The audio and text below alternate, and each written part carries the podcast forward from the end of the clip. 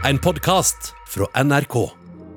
Hun var tiltalt for angrep på demokratiet ved å ha satt fyr på egen bil, tagga på husveggen og sendt flere trusselbrev til justisministeren, altså hennes egen samboer. Alt mens hun fikk det til å virke som at noen andre sto bak. Og snart to år etter at politiet troppa på døra til justisministeren og pågrep Laila Bertheussen, kom dommen i det som har blitt kalt den mest absurde krimsaken i nyere tid. Laila Anita Bertheussen, født 19.01.1965, dømmes til fengsel i ett år og åtte måneder. Men selv har hun hele tiden hevdet sin uskyld, og hun mener at det er noen andre som har gjort det. Så hvorfor trodde ikke dommerne da på henne? Hva var det som felte Laila Bertheussen?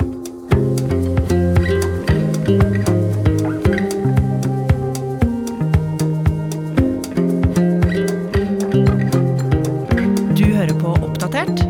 Jeg heter Ragna Nordenborg. Det var nok en ganske spent stemning på tinghuset i dag. Det var ikke så mange som fikk lov til å komme inn i salen, og så var det en viss eh, spenning knytta til om hun kom til å være i selve salen, eller om hun kom til å få lov til å være på bakrommet. Det blei ganske fort klart at hun ville være til stede. Hun kom inn i rettssalen i mørke klær og et stort, eh, svart munnbind, og tok plass eh, stående mellom forsvarerne sine med en bok og veska si. Det har jo blitt en liten greie med disse veskene, for hun har pleid å komme med hjemmelagde vesker med forskjellige budskap og beskjeder på. Men eh, denne gangen så var det bare en rosa enhjørning med briller. Anders Brekke har dekka denne saken for NRK siden den starta, og overvar også domsavsigelsen fredag 15.1, dagen vi spiller inn denne episoden. Og etter veldig kort tid så begynte dommeren å lese opp eh, fra dommen. De begynte med konklusjonen, og da blei det jo med en gang klart at dette her eh, gikk ikke veien for Laila Bertheussen. Men spenninga var jo ikke over med det, Anders. Nei, det som var spennende i dag var jo ikke bare selve dommen, men kanskje like mye hvordan retten vurderer alle disse bevisene som vi har brukt så mange uker på, om dommerne trodde på noe som helst av det Bertheussen forklarte i løpet av høsten. Ja, ikke sant? Men det er jo så mange hendelser og såpass vanvittige ting som har skjedd, Anders, at jeg syns vi må koste på oss en recap. Hvor begynner egentlig denne historien? 6. desember 2018 fikk vi beskjed om at det hadde skjedd flere ting hjemme hos justisministeren. Men vi starter med truslene mot justisminister Tor Mikkel Wara. Politiets sikkerhetstjeneste sier de ser svært alvorlig på saken. Bilen til Wara skal ha blitt forsøkt påtent, og det er skrevet 'rasist' med maling på huset hans. Noen hadde prøvd å tenne på bilen hans. Det var tagga 'rasisit' i store røde bokstaver på husveggen, og det var et hakekors på bilen. Og det at noen har klart å komme seg inn på eiendommen og gjort alt dette her uten å bli oppdaga, det så PST ganske alvorlig på. De satte i gang full etterforskning og overvåking, og Wara var selv ute og kalte det et angrep på demokratiet. Jeg betrakter dette først og fremst som et eh, angrep og en sjikane av norsk demokrati. Jeg er satt til å gjøre en eh, jobb for regjeringen og en jobb på vegne av demokratiet, og da er dette et angrep på demokratiet. Og det alle lurte på, var jo hva er dette her for noe? Hvem står bak? Er det Frp som blir angrepet, eller er det regjeringen, altså siden han var medlem av regjeringen? Eller er det bare en gal person som sto bak? Ja, på det tidspunktet visste man ingenting, så vi holdt alle muligheter åpne. Men så begynte folk å snakke om et teaterstykke. His house is the archetype of a family home, with Christmas ornaments all year round at the kitchen window. I forestillingen Ways of Seeing, som gikk på Black Box Teater, ble det vist en video av huset til andre Laila Bertheussen og Tor Mikkel Wara. Folka bak stykket mente nemlig de var en del av et rasistisk nettverk. Bertheussen hadde blitt rasende da hun så stykket, og gikk hardt ut mot teatret i en kronikk i VG bare noen dager før tagginga på huset. Og så begynte det å skje enda flere rare ting ved huset til Laila Bertheussen og Tor Mikkel Wara. Politiets sikkerhetstjeneste, PST, etterforsker en brann utenfor hjemmet til justisminister Tor Mikkel Wara. Brannen i en søppelkasse ble slukket av politiet og brannvesen, og ingen ble skadet. I januar oppstår det en brann i en søppeldunk utenfor huset til paret. Og så dukker det opp trusselbrev i postkassa. Noen uker tidligere hadde nemlig Laila Bertheussen anmeldt folkene bak Ways of Seeing for hensynsløs atferd. Og i trusselbrevet nå står det 'trekk anmeldelse'. Men det stoppet ikke der. For så ble enda flere mektige personer trukket inn i dette. Sikkerhetsminister Ingvild Smines Tybring-Gjedde og samboeren hennes, Christian Tybring-Gjedde, som er stortingsrepresentant for Frp, fikk også trusselbrev. Og I det ene trusselbrevet så står det bl.a.: Vi ses 26.2. klokka 20. Tidspunktet da dette teaterstykket Ways of Seeing skulle settes opp på nytt. Så Anders, dette teaterstykket hun har vært og sett og gått knallhardt ut imot, blir nå en brikke i den pågående etterforskningen til politiet? Ja, det ble mye snakk om eh, teaterstykket, og det var jo flere trusselbrev også som på forskjellige måter kunne se ut som de hadde en slags tilknytning til eh, aktørene da, i stykket. Så det fikk veldig mye oppmerksomhet, og en del begynte jo å se på teatret som en slags eh, syndebukk. Det begynte jo virkelig å haste for politiet, som kjører på med overvåking og etterforskning. Likevel så klarte de ikke å finne ut hvem som sto bak, og det skjer flere nye hendelser. Nok en gang har justisministeren fått en trussel. Politiets bombegruppe rykket i dag hjem til Tor Mikkel Wara i Oslo. Det skjedde etter at det ble funnet et brev i postkassen hans med innhold som ble oppfattet som truende.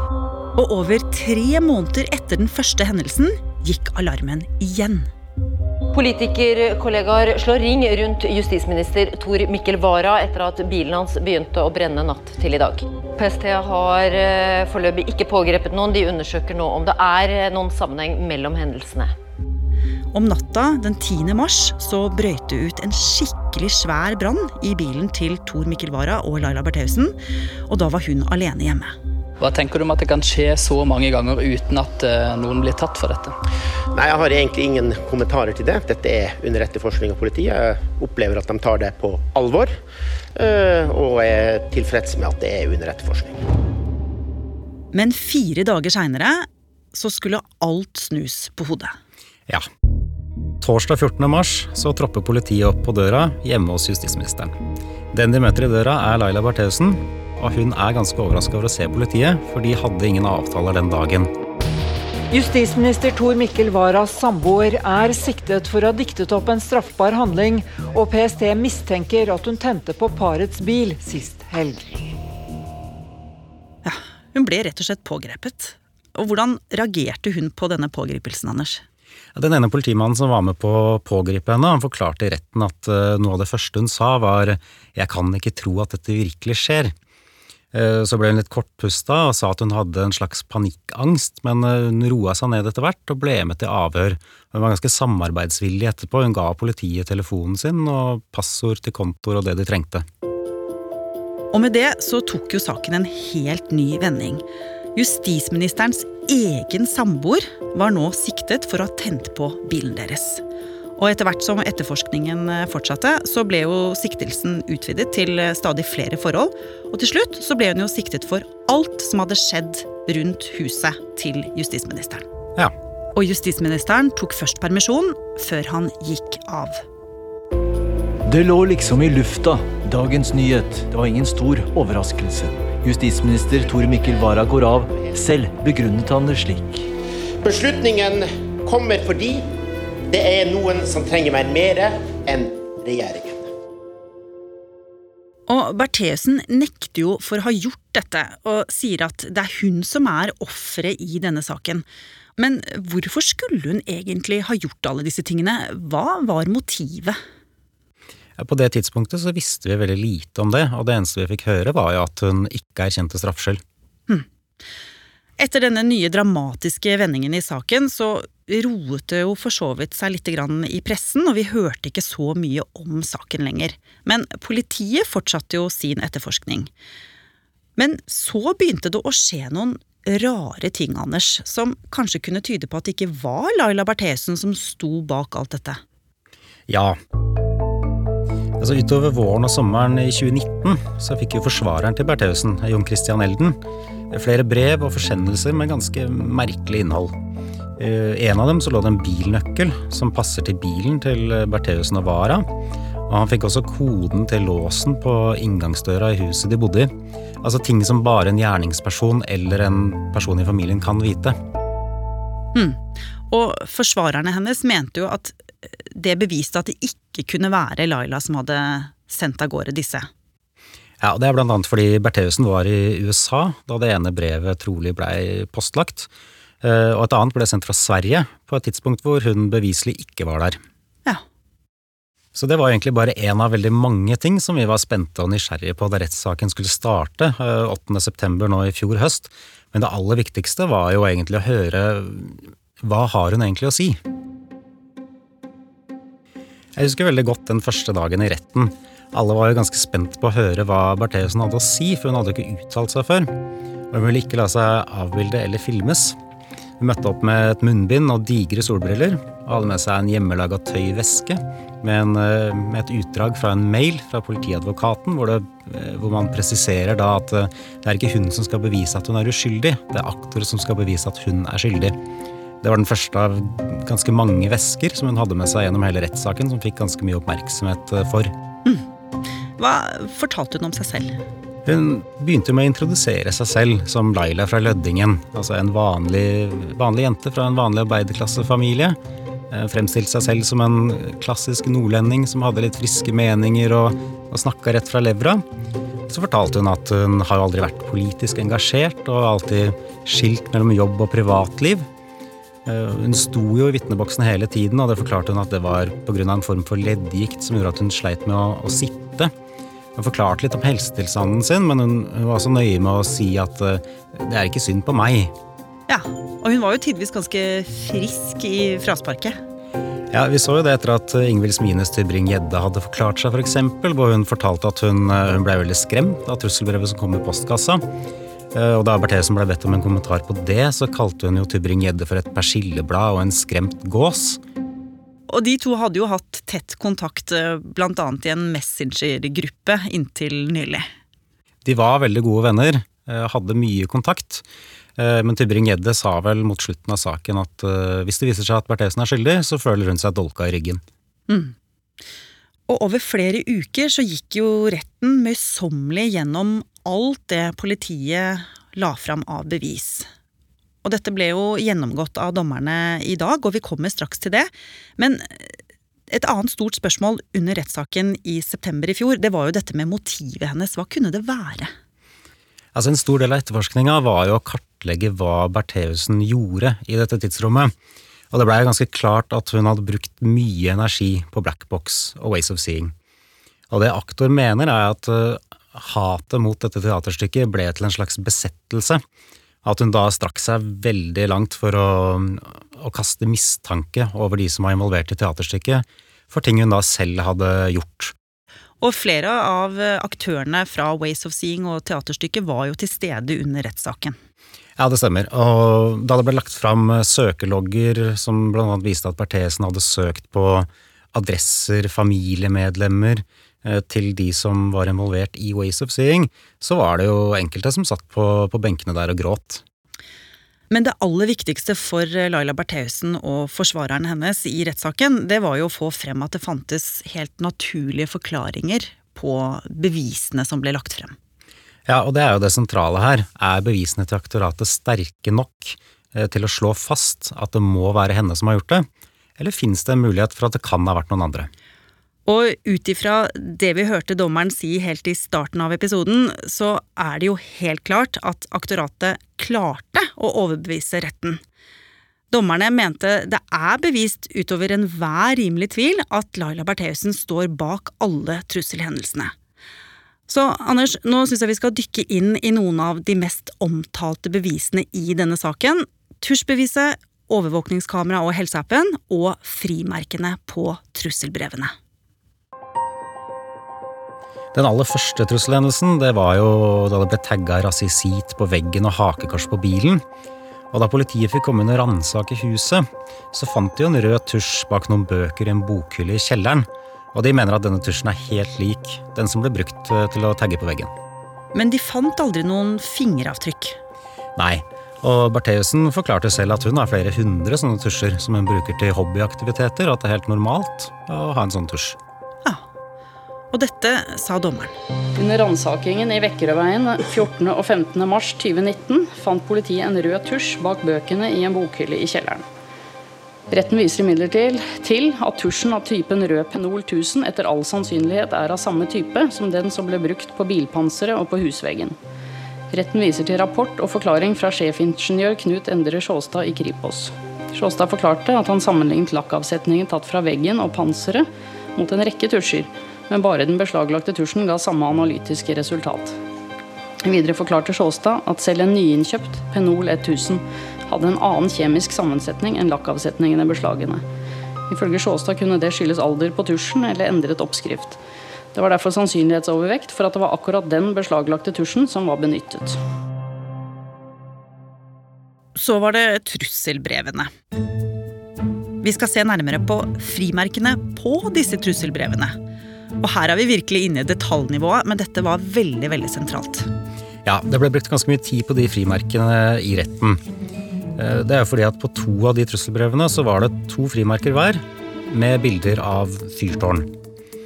Totalt fire frimerker. Og hjemme hos Vara Bertheussen så fant politiet et frimerkehefte med samme motiv av fyrtårn, hvor det mangla fire frimerker.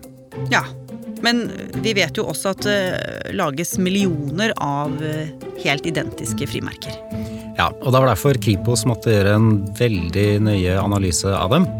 Eh, Kripos-vitnet som var i retten, han sa at eh, de så på hvordan frimerket var kutta i forhold til motivet, altså hvilken lille tagg som var revet av der hvor fyrtårnet begynte.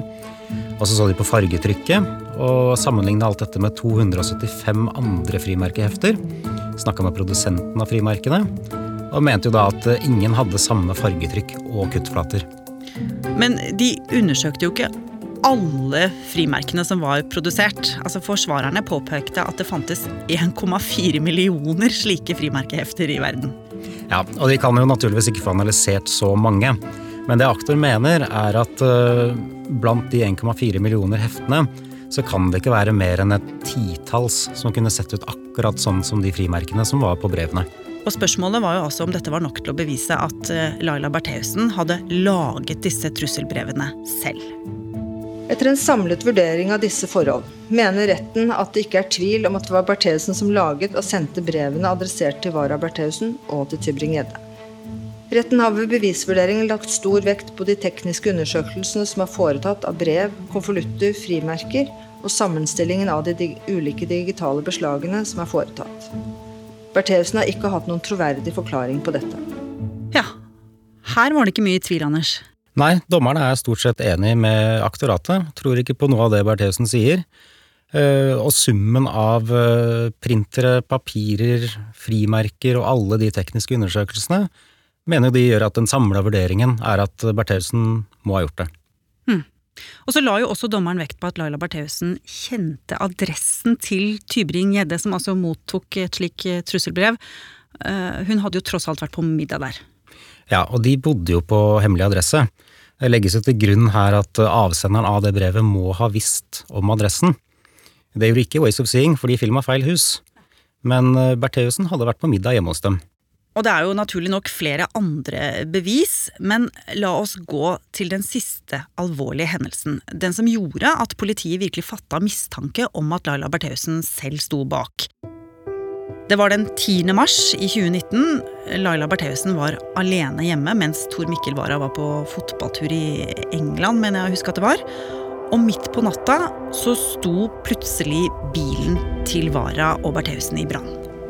Ja, Det aktor har prøvd å bevise, er at det var denne natta Bertheussen avslørte seg selv. De mener at hun skrudde av overvåkningskameraet som viser gårdsplassen der hvor bilen står at hun gikk ut og brukte rødsprit og åpen ild til å sette fyr på bagasjerommet, og at hun var ript inn rasist på den ene bakskjermen. Men hvordan kan de være så sikre på det? Det er ganske mange ting de mener beviser det. De hadde en eh, kronologisk gjennomgang av, eh, av hele tidsrommet i retten, sånn nærmest sekund for sekund. Eh, det første de viste, var at det overvåkingskameraet som viser bilen, det var avskrudd fra fem på halv to til ett over halv to på natta. De har bilder før og etter, så de føler seg ganske sikre på at brannen oppsto i det tidsrommet. For det andre så var det installert en sensor i ytterdøra som registrerer når den åpner og lukker seg. Eh, Den viser at den døra ble åpna og lukka fire ganger mellom midnatt og ti over halv to. Og det tredje beviset er helseappen på mobilen til Laila Bertheussen. Der er det registrert eh, over 600 skritt mellom klokka ti over ett til litt over halv to på natta. Og det siste er at en hun kort tid i forveien hadde vært på Jernia og kjøpt rødsprit. Ja. Og hvordan forklarte Bertheussen seg selv om denne natta i rettssaken? Hun sa jo blant annet at hun hadde fått i seg en del eh, alkohol, og at hun ikke huska så veldig godt.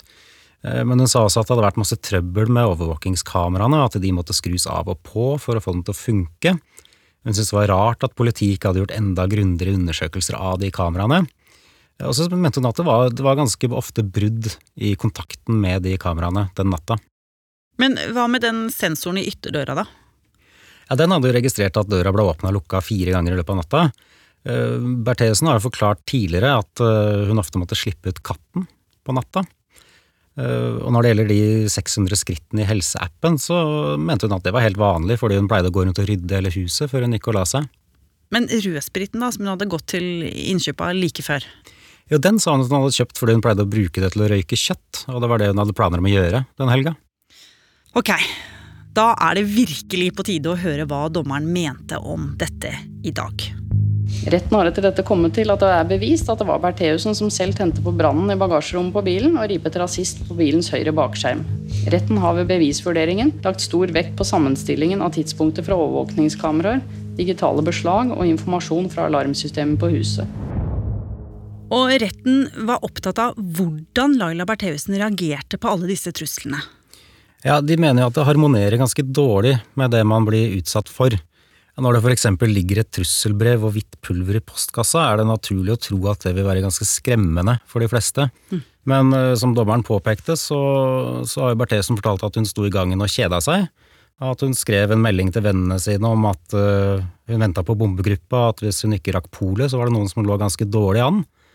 Uh, og etter den siste bilbrannen så kommenterte jo dommeren også at reaksjonen var ganske uvanlig for en som blir utsatt for en såpass alvorlig trussel.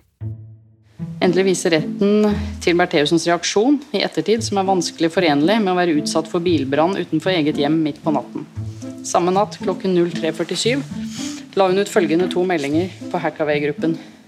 Janada Badu, det brenner faen meg i bilen. Jeg hadde endelig noen dager alene. Ok, Anders. Nå har vi gått gjennom noen av de mest sentrale bevisene i saken. Og hvordan vil du egentlig oppsummere dommen, Anders? Det er jo en knusende dom. Eh, Laila Berthesen blir jo egentlig ikke trodd på noen ting. Eh, Ordene som går igjen i dommen er jo at forklaringen er oppkonstruert, scenarioene er eh, utenkelige, det er påfallende sammentreff, og det hun forklarer er lite sannsynlig. Når det gjelder motivet, så er dommen veldig klar. Det heter at Laila Bertheussen var superforbanna på teatret og var ute etter å sverte dem. I dommen står det at ways of seeing var målet, mens middelet var å iscenesette trusler mot seg selv, Vara og Tybring-Gjedde. Så retten tror rett og slett ikke på forklaringen hennes. Ikke på noen ting. Ingenting. Men vi snakket jo om disse brevene som forsvarer Elden fikk i posten, som kanskje kunne tyde på at Bertheussen ikke kunne stå bak. Hva med de?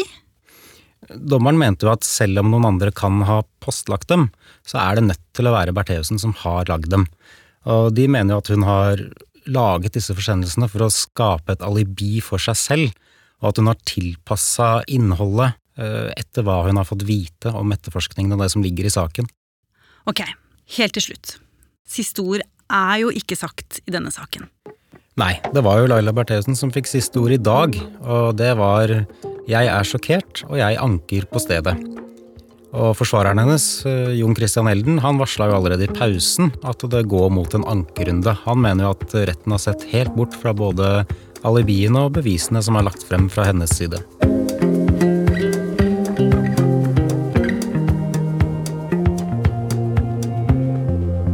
Har du lyst til å bli fast lytter av oss i Oppdatert og få påminnelse om nye episoder, så er det bare å abonnere på oss i NRK radioappen. Og så er det veldig hyggelig hvis du vil anbefale oss til en venn. Oppdatert er en podkast fra NRK Nyheter, og denne episoden er laget av Irina Kjelle, Andreas Berge og meg, Ragna Nordenborg. Eva Midthun Leira er redaksjonssjef. Vil du kontakte oss, gjør gjerne det på oppdatert alfakrøll.nrk.no. Du har hørt en podkast fra NRK. Hør flere podkaster og din favorittkanal i appen NRK Radio.